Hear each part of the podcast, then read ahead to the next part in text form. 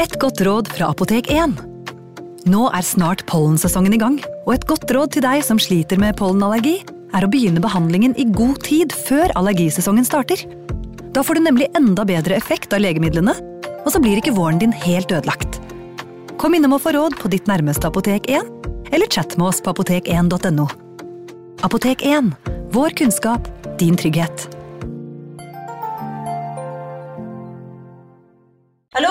Jeg kommer fra Oslo politikammer.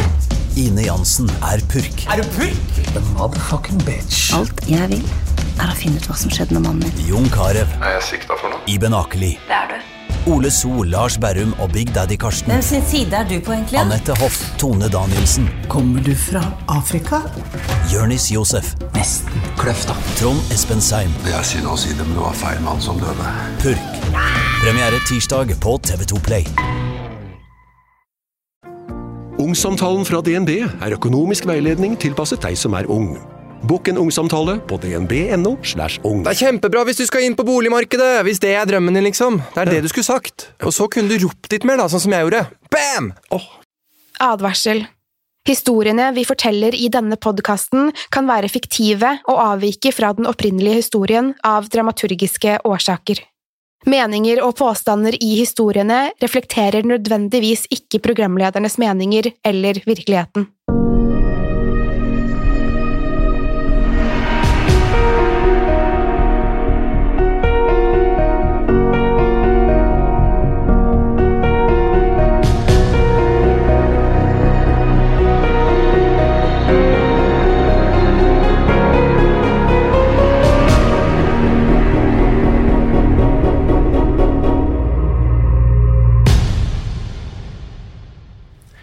Huleutforskeren Ted, del 3 5. april 2001 Mysteriegrotten Floyds grav Den mystiske hulepassasjen vi hadde kommet over, representerte ukevis med hardt arbeid, i tillegg til en rekke følelser.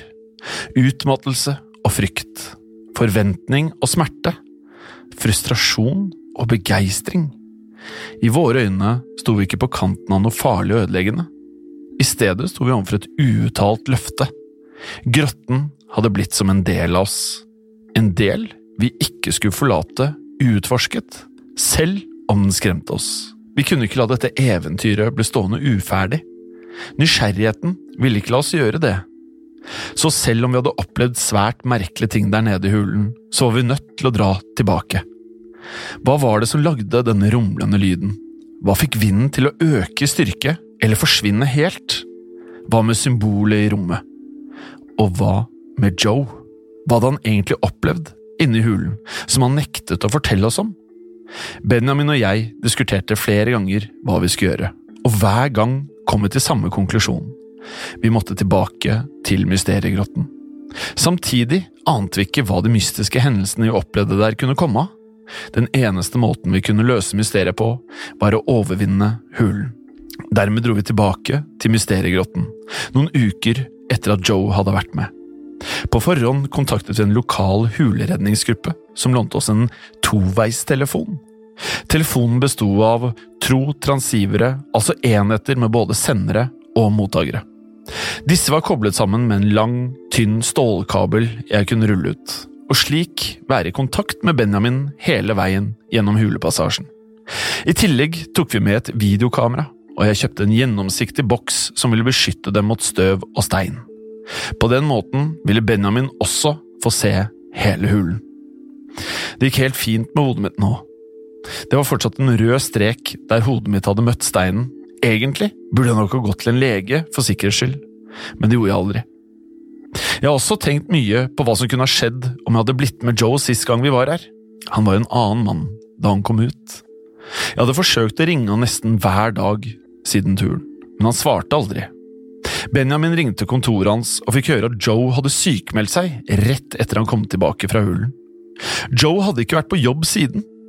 To ganger dro jeg til huset hans og ringte på døren, men enten ville han ikke åpne døren, eller så var han ikke hjemme. Da vi rigget opp utstyret for å senke oss ned den første inngangen til mysteriegrotten, kjente jeg en illevarslende følelse.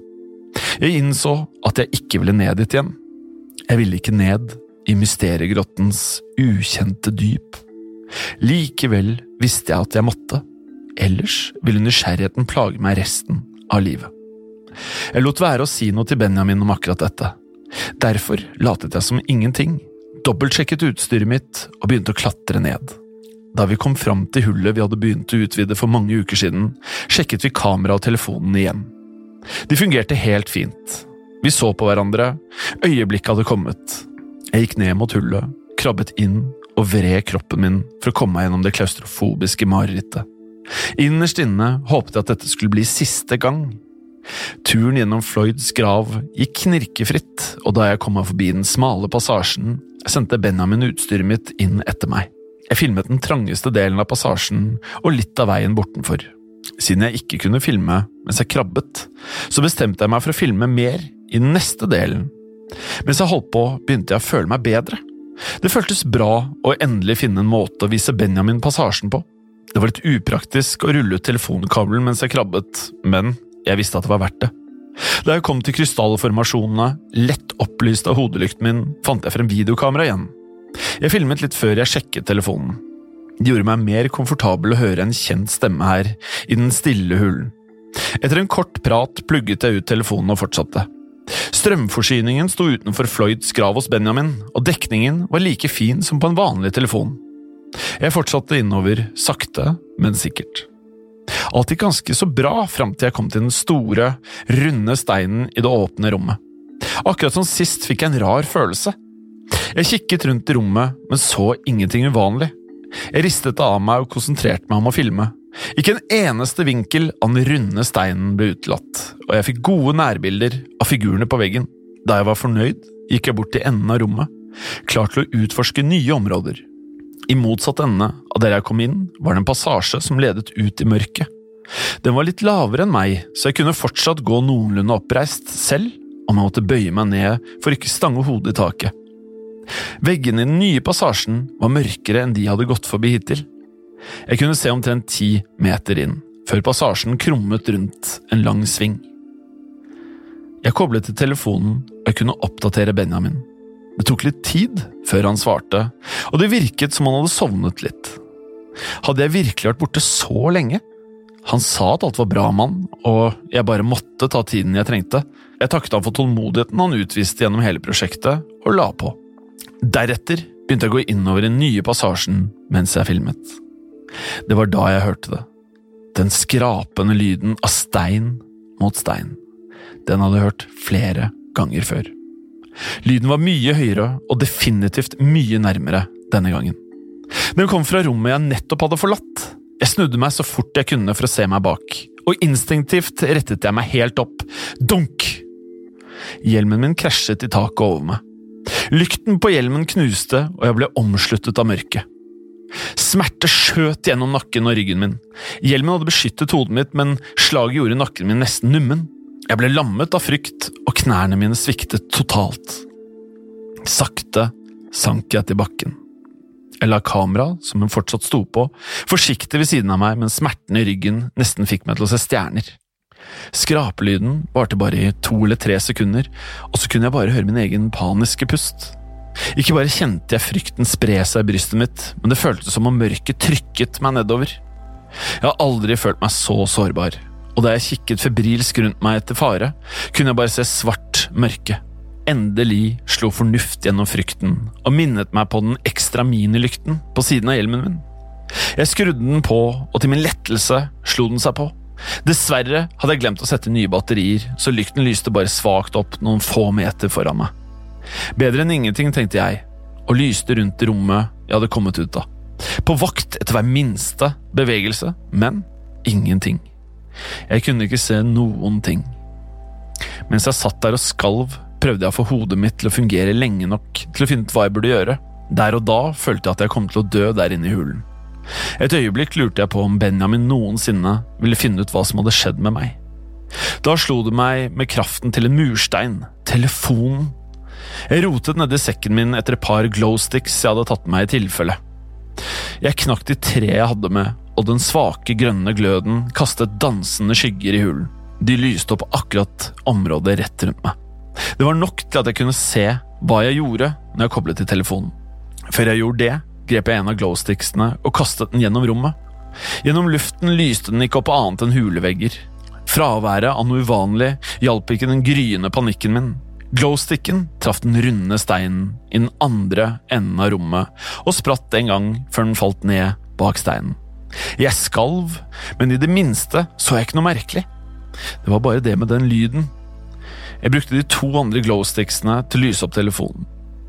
Med klønete bevegelser plugget jeg den i kabelen og holdt den opp mot øret mitt. Alt jeg hørte, var stillhet.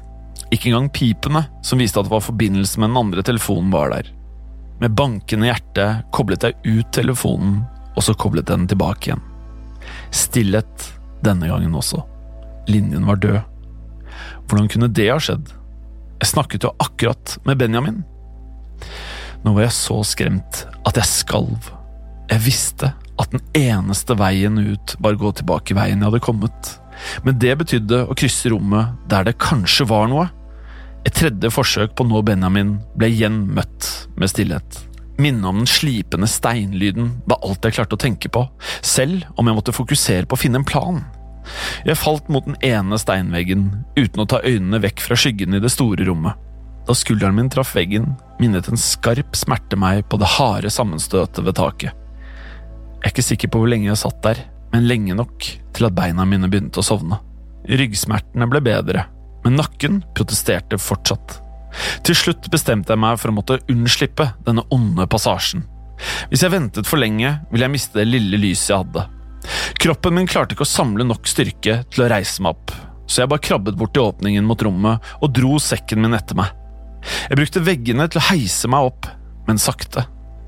Den vonde ryggen min gjorde at jeg ikke klarte å stå helt oppreist. Likevel klarte jeg å stavre meg gjennom rommet og surret sammen telefonkabelen mens jeg gikk. Jeg stirret rett foran meg og anstrengte øynene for å se spor av den minste lille bevegelse. Hvert skritt gjorde at lyset mitt kastet nye skygger på veggene, og jeg stirret på dem hver gang de endret seg. Øynene mine begynte å svi, og jeg skjønte at jeg hadde glemt å blunke. Hvor lenge hadde jeg glemt å blunke? Hvor lenge hadde det gått? Det eneste jeg kunne høre, var lyden av småstein som knaste under skrittene mine. Hver gang jeg surret kabelen en runde, tenkte jeg at jeg tok et steg nærmere utgangen. Nærmere Benjamin og nærmere trygghet. Den korte turen gjennom rommet føltes som en evighet. Da jeg passerte tegningen på veggen, virket det nesten som den glødet, som en varsel. I det svake lyset kunne jeg akkurat skimte den runde steinen i enden av rommet. Det var noe som virket annerledes ved den, men jeg visste ikke helt hva. Da jeg kom nærmere, så jeg endelig hva det var. Steinen hadde flyttet på seg. Det var det jeg hadde hørt. Den skrapende lyden var steinen som ble dyttet langs gulvet. Frykten økte i styrke da jeg innså at det var nødt til å være noen i nærheten.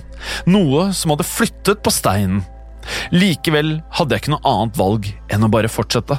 Det var ingen enkel sak. Jeg snek meg nærmere steinen og holdt en av glowsticksene opp foran meg for å bannlyse mørket. Som før surret jeg kabelen rundt en runde da jeg gikk ved siden av steinen, men plutselig ble den stram. I det øyeblikket oppdaget jeg hvorfor jeg hadde mistet kontakten med Benjamin. Steinen sto oppå kabelen. Jeg dro lett i den tynne kabelen, men den røk. Min eneste måte å kontakte utsiden på hadde nå forsvunnet. Jeg hadde aldri følt meg så alene og så hjelpeløs. Begravd dypt under jorden. Jeg hadde gått frivillig ned i min egen grav, og kisten min besto av massiv stein. Siden telefonen var ubrukelig, satte jeg den ned på gulvet. Blikket mitt var festet på den runde steinen mens jeg dro føttene mine framover flere skritt. Munnen min var tørr, og det kjentes som den var full av støv. Hver knasende lyd av steinen under føttene mine fikk hjertet mitt til å stoppe et øyeblikk. Mitt lille, grønne lys, min eneste venn i mørket, viste meg ikke en eneste bevegelse i det sorte havet foran meg. Jeg kom helt frem til steinen og kikket over på den andre siden av den. Ingen der. Lettelsen av dette ga meg styrke til å haste et par skritt videre. Da jeg så meg tilbake, så jeg et hull nede ved gulvet ved siden av utgangen. Hullet ledet til en egen passasje som gikk innover i fjellet. Det var steinen som hadde dekket til denne passasjen da jeg kom inn tidligere. Nå var passasjen åpen og helt udekket. Steinen kunne ikke ha blitt flyttet av seg selv, så hvorfor sto den foran en passasje? Hadde noe kommet gjennom passasjen og dyttet steinen vekk, så hva det nå enn var, hadde klart å komme seg inn i rommet. Jeg rygget vekk fra hullet, og ryggen min kolliderte med veggen. Kroppen protesterte, men jeg enset ikke smerten akkurat da. Den nye passasjen så ut til å gå nedover 45 grader så langt jeg kunne se.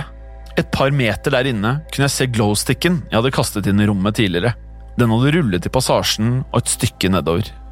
Den lyste opp passasjen godt nok til at jeg kunne se hvor glatte veggene var. Gulvet var også rimelig glatt, i motsetning til gulvet i resten av hulen. Passasjen var omtrent én meter i diameter, og det ville vært enkelt for meg å utforske det dersom jeg hadde ønsket det. I stedet var det ingenting jeg heller ville enn å komme meg ut av mysteriegrotten og se dagslys igjen. Jeg rygget mot passasjen som ville lede meg tilbake til Floyds grav og Benjamin, uten å ta øynene mine vekk fra det nyoppdagede hullet et sekund.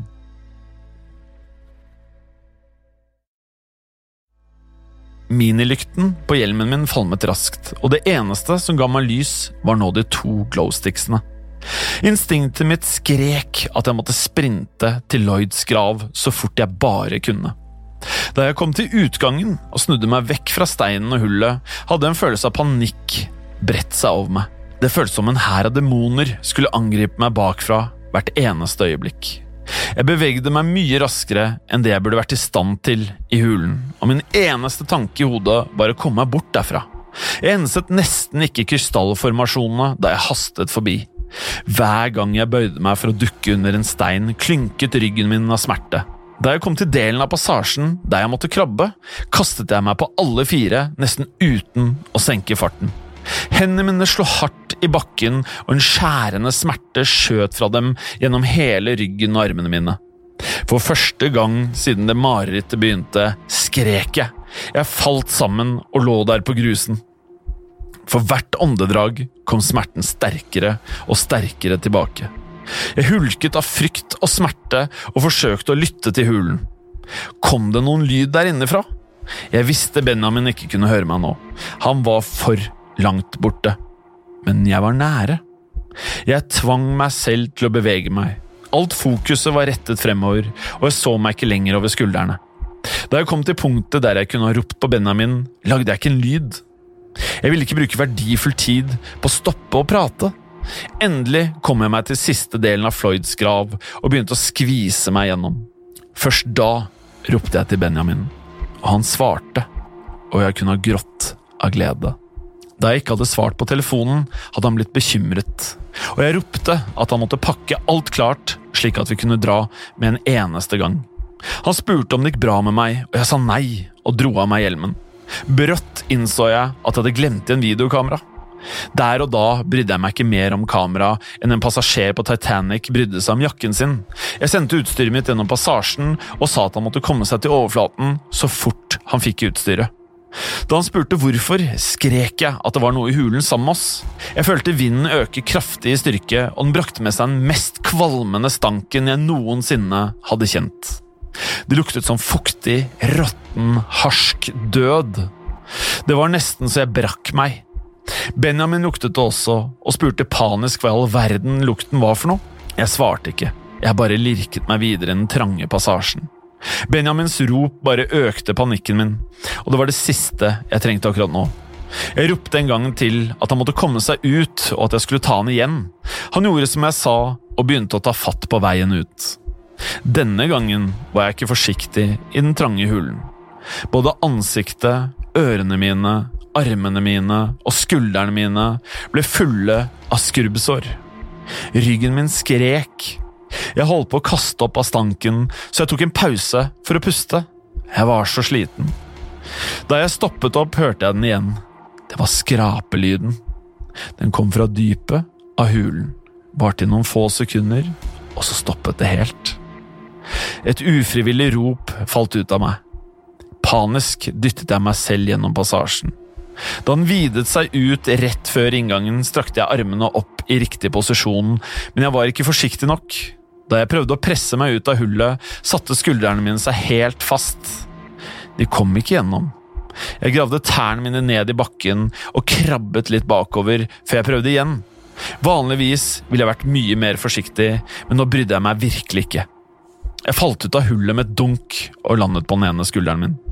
Jeg rullet meg over på alle fire og reiste meg opp. Stanken var mindre intens utenfor passasjen. Hjelmen min lå fortsatt på gulvet, så jeg grep den og satte den på plass mens jeg løp.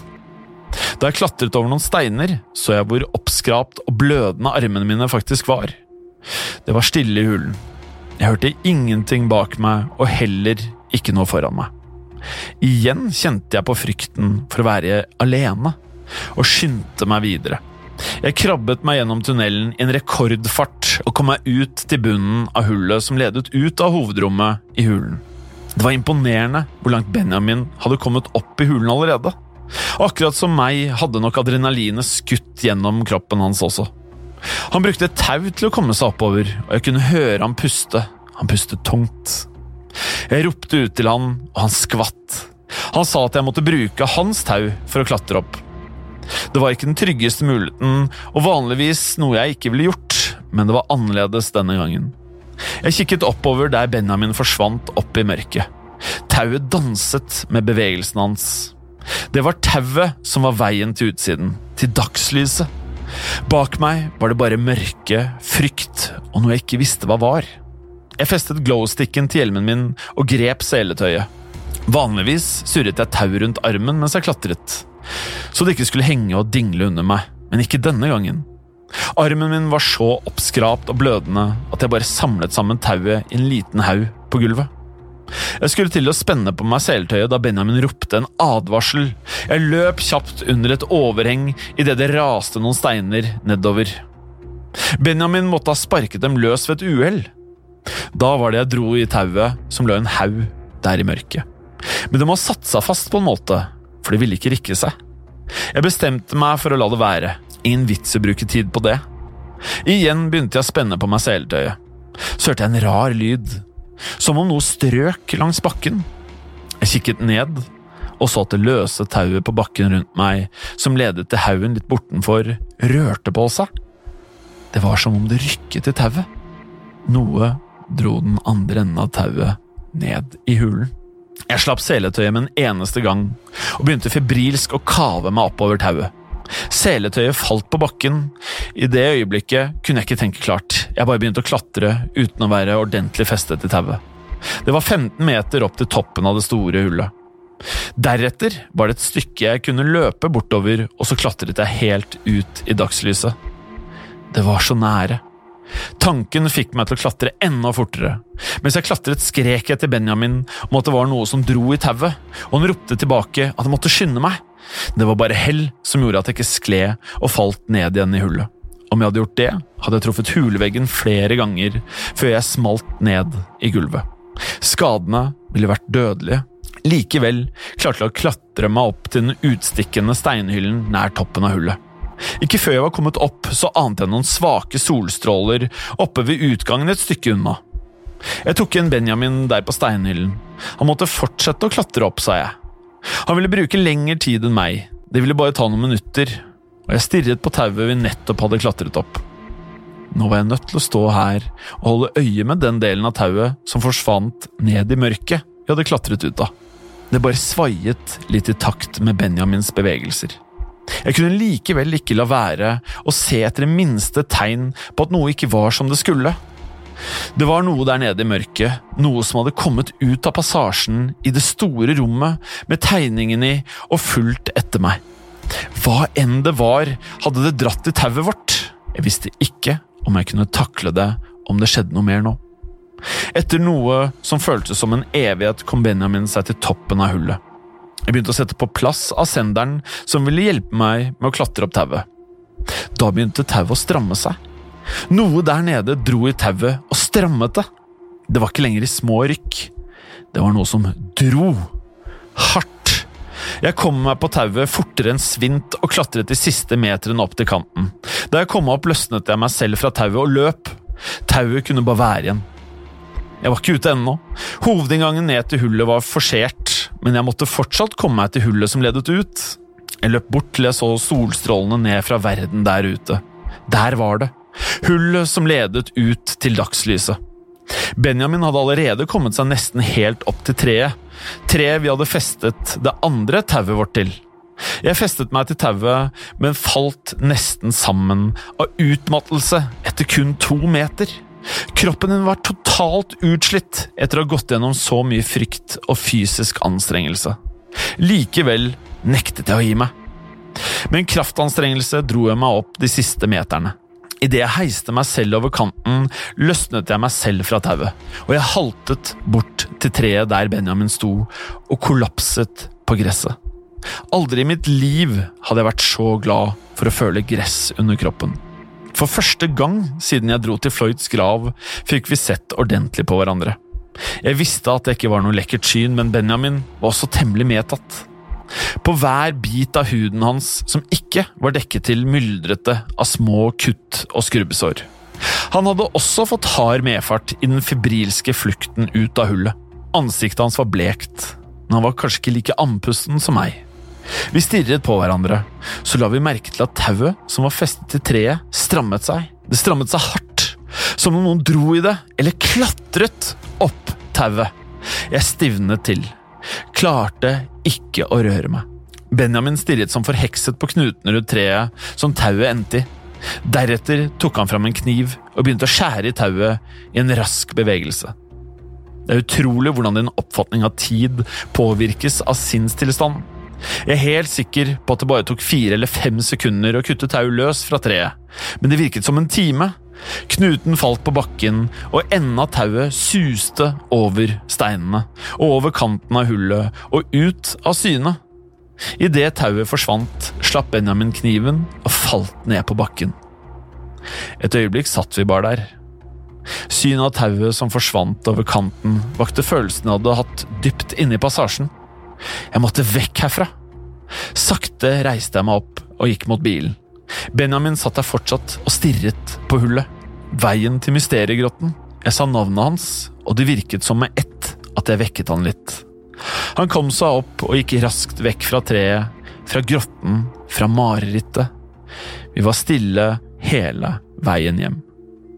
Det tok meg lang tid å kunne fortelle hva jeg hadde opplevd der nede. Likevel følte jeg at jeg måtte fortelle dere dette, for å dokumentere det mens det fortsatt var friskt i minnet. Nå Fire dager senere kan jeg fortsatt føle smerten. Lukten, stanken. Jeg kan føle på frykten. Jeg klarer ikke å slappe av. Dere hører fra meg. 25. april 2001 Det har gått tre uker siden vi besøkte Mysteriegrotten. Det er på tide jeg oppdaterer dere om hva som skjedde i disse ukene. Et par av vennene mine kom og banket på døren, men jeg klarte ikke å åpne for dem. I det minste kan jeg oppdatere alle her. Akkurat nå er jeg sykemeldt fra jobben min. Jeg prøvde å dra på jobb et par dager etter hendelsen i Mysteriegrotten, men sjefen merket hvor dårlig jeg var i formen og sendte meg hjem. Jeg klarte ikke å konsentrere meg. Grotteturen gjorde meg så opprørt at jeg ikke klarte annet enn å sitte der og tenke på alt som hadde skjedd. Jeg dro til legen, men jeg kunne ikke akkurat fortelle han om opplevelsen min, så jeg bare sa at jeg hadde vært utrolig stresset den siste tiden. Han ga meg medisiner for akkurat dette. Etter vi forlot hulen, gikk jeg nesten i sjokk. Jeg kunne ikke tenke klart og strevde med å forstå hva som hadde hendt. Mat og søvn ble det heller ikke særlig mye av. Jeg er glad for at jeg skrev ned opplevelsen for dere mens jeg fortsatt var klar i minnet. Da jeg ble ferdig med å skrive, følte jeg meg nesten lettet. Det var ganske terapeutisk, faktisk. Dessverre skulle det ikke vare. Faktisk ble alt mye verre etter dette. Etter turen skilte jeg og Benjamin lag, og jeg så han ikke før i går. Jeg prøvde ikke å få tak i han, og han forsøkte ikke å få tak i meg. Ingen av oss prøvde å kontakte Joe heller. Etter Benjamin slapp meg av i huset mitt, stengte jeg meg bare inne. Jeg prøvde å spise, men hadde ikke appetitt. I tillegg var jeg konstant rastløs, men jeg fant ingen distraksjoner som kunne få tankene mine vekk fra opplevelsen. Dagen etter skrev jeg det hele ned og gikk på jobb, men ble som sagt sendt hjem. Allerede morgenen etter virket det som en dyp følelse av angst grep rundt sjelen min. Jeg ble både deprimert og forvirret og hadde ingen å støtte meg på. Alle oppringinger ble sendt rett til telefonsvareren. Sånn fortsatte det en miserabel tilværelse der jeg spiste og sov når jeg kunne. Helt en uke etter turen, da startet merkelige ting å skje. Først begynte jeg å høre uforklarlige lyder rundt om i huset. Plutselig ville jeg se en bevegelse i øyekroken, men når jeg snudde meg, var det ingenting der. Jeg begynte å ha lysene på døgnet rundt, så jeg kunne se godt hele tiden. Etter hvert så jeg ting i øyekroken oftere og oftere. Derfor bestemte jeg meg for å kjøpe meg en revolver. Skadene mine leget seg, men ryggen min gjorde fortsatt vondt. Jeg gikk til legen og fikk flere medisiner. Når jeg tok medisinene, følte jeg meg mye bedre, og angsten ga seg litt også. Men jeg ville ikke gå rundt og være høy på medisiner resten av livet. Derfor tok jeg dem bare på slutten av dagen. Dessverre så jeg syner oftere og oftere, så jeg følte virkelig at jeg trengte disse medisinene. Først så jeg bare små glimt i øyekroken, men så utviklet det seg til utydelige former og skygger. De dukket opp utenfor vinduene mine, som oftest om natta. Siden formene var så uklare, forsto jeg ikke hva de var for noe, men de hjalp ikke på angsten. Jeg begynte å ha gardinene dratt for konstant. Livet mitt var blitt et skikkelig rot. Jeg gikk veldig ned i vekt siden jeg spiste så lite, og i løpet av to uker gikk jeg bare ut av huset noen få ganger. Det var til butikken, til legen, til selgeren av revolveren. To uker etter vi hadde kommet tilbake fra mysteriegrotten, begynte jeg å få grusomme mareritt. Noen ganger drømte jeg at jeg var i huset, og at det var noe som jaktet på meg, men jeg hadde ingen bein, så jeg kunne ikke løpe. Andre ganger drømte jeg at jeg var i bunnen av en tank som sakte ble fylt opp. Marerittene fikk meg til å våkne i panikk, og så holdt jeg meg våken helt til utmattelsen tvang meg til å dra tilbake til drømmeland. Sånn fortsatte det i dagevis, helt til i går. Den sjette dagen siden marerittene begynte. Drømmene virket så ekte at jeg ikke visste om jeg var våken eller ikke. Helt utslitt vandret jeg fra stuen til soverommet da jeg kastet et blikk mot gangen. I enden sto det en mørk skikkelse. En skikkelse som ikke rørte seg, og da jeg rykket bakover, begynte lysene å flimre av og på. Hver muskel i kroppen min var anspente. Akkurat da ringte også telefonen. Jeg skvatt så voldsomt at jeg krasjet i en stol bak meg og da jeg snudde blikket mot gangen, var den tom. Jeg rasket med meg nøklene mine og stakk ut av huset. Hjertet mitt hamret mens jeg kom meg i bilen. En følelse i kroppen sa at jeg måtte kjøre til et utkikkspunkt der man kunne se alle lysene fra byen. Jeg visste ikke hvorfor, jeg bare visste at jeg måtte dra dit. Jo nærmere jeg kom, jo mer insisterende ble følelsen. Da jeg kom dit, så jeg noe som gjorde meg avslappet, langt mer avslappet enn jeg hadde vært på lenge. Joe var der. Han sto ved bilen sin og så utover byen. Vi så på hverandre, og ut ifra hvor trøtt han så ut, visste jeg at han hadde gått gjennom den samme miserable tilværelsen som jeg hadde. Han forsto fra mitt ansiktsuttrykk at vi begge hadde blitt utsatt for en grusom opplevelse. Samtalen vår var faktisk ganske kort. Han spurte om jeg hadde dratt til Mysteriegrotten igjen, selv om han visste svaret allerede. Likevel svarte jeg ja. Så sa han vi må dra tilbake dit, og jeg visste han hadde rett. Vi ble enige om å møtes der klokken tolv. Så dro vi hver til vårt. Han ville ikke fortelle meg hva han hadde sett der nede, og jeg ville ikke fortelle han hva som hadde skjedd med meg. Vi trengte ikke å spørre. I stedet for å kjøre rett hjem, kjørte jeg til Benjamin. Da han åpnet døra, så jeg med en gang at han hadde vært gjennom det samme som både meg og Joe. Jeg fortalte om møtet med Joe, og at vi skulle tilbake til Mysteriegrotten dagen etter. Benjamin så alvorlig ut, og han nikket. Han ville også bli med. Jeg spurte om jeg kunne overnatte hos han, og han viste meg gjesterommet. Alle lysene i huset sto på, og for første gang på en god stund sov jeg gjennom hele natten. Jeg våknet tidlig i dag morges og gjorde meg klar for turen. Grunnen til at jeg forteller dere dette, er fordi jeg synes dere bør vite hva det er som foregår. Innen dere hører dette, har jeg sikkert kommet meg tilbake med en spennende historie å fortelle. Jeg lover at dere vil høre fra meg, fort. Akkurat nå er klokken ti om morgenen, onsdag den 25. april 2001.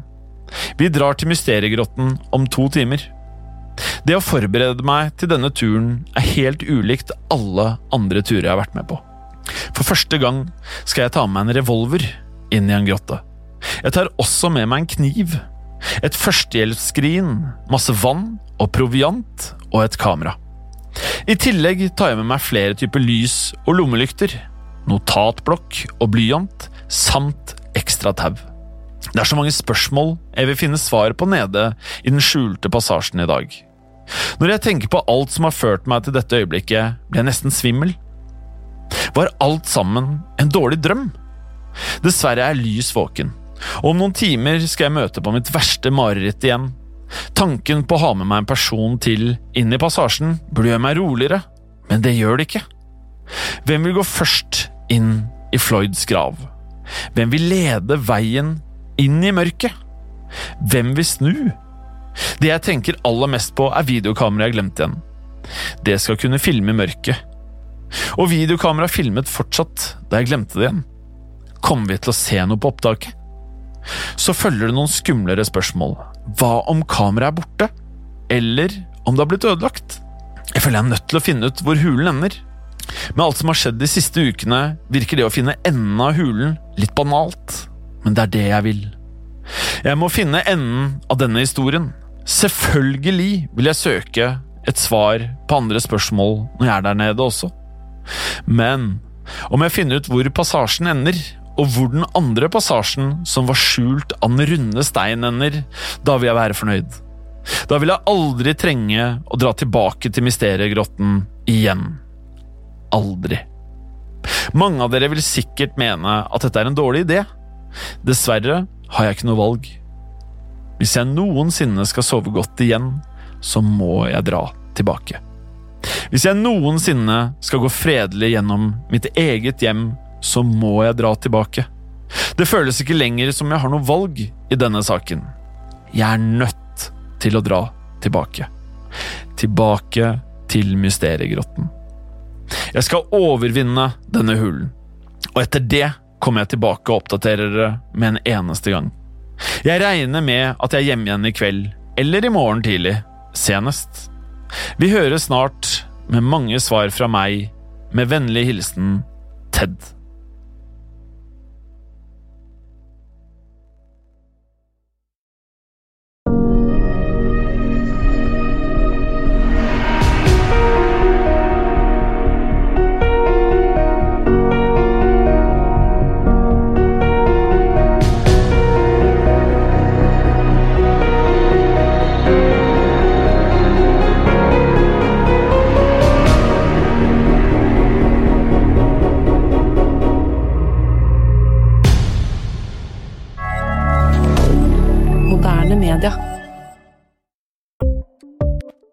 Ukens annonsør er Folio, en smartere banktjeneste for deg som har en egen bedrift eller ønsker å starte for deg selv. Folio er en superenkel nettbank for bedrifter. Som kunde i Folio får du en bedriftskonto med et bedriftskort og app. I denne appen er det smarte løsninger som forenkler regnskapet ditt, uansett om du har en liten bedrift eller et enkeltpersonsforetak. Folio er både intuitivt og brukervennlig, og er laget med et enkelt språk. I tillegg tilbyr de forutsigbare priser og ingen skjulte gebyrer. Skulle du likevel trenge det, så kan du snakke med deres raske og hyggelige kundeservice, og der får du prate med en faktisk person og ikke en chatbot. Folio er med andre ord både enklere og koseligere enn banken. Over 10 000 bedrifter har allerede valgt Folio som sin banktjeneste, så besøk folio.no og se hvordan Folio kan forenkle din hverdag også. Har du et enkeltpersonforetak eller en liten bedrift? Da er du sikkert lei av å høre meg snakke om hvor enkelt det er med kvitteringer og bilag i fiken, så vi eh, gir oss her, vi.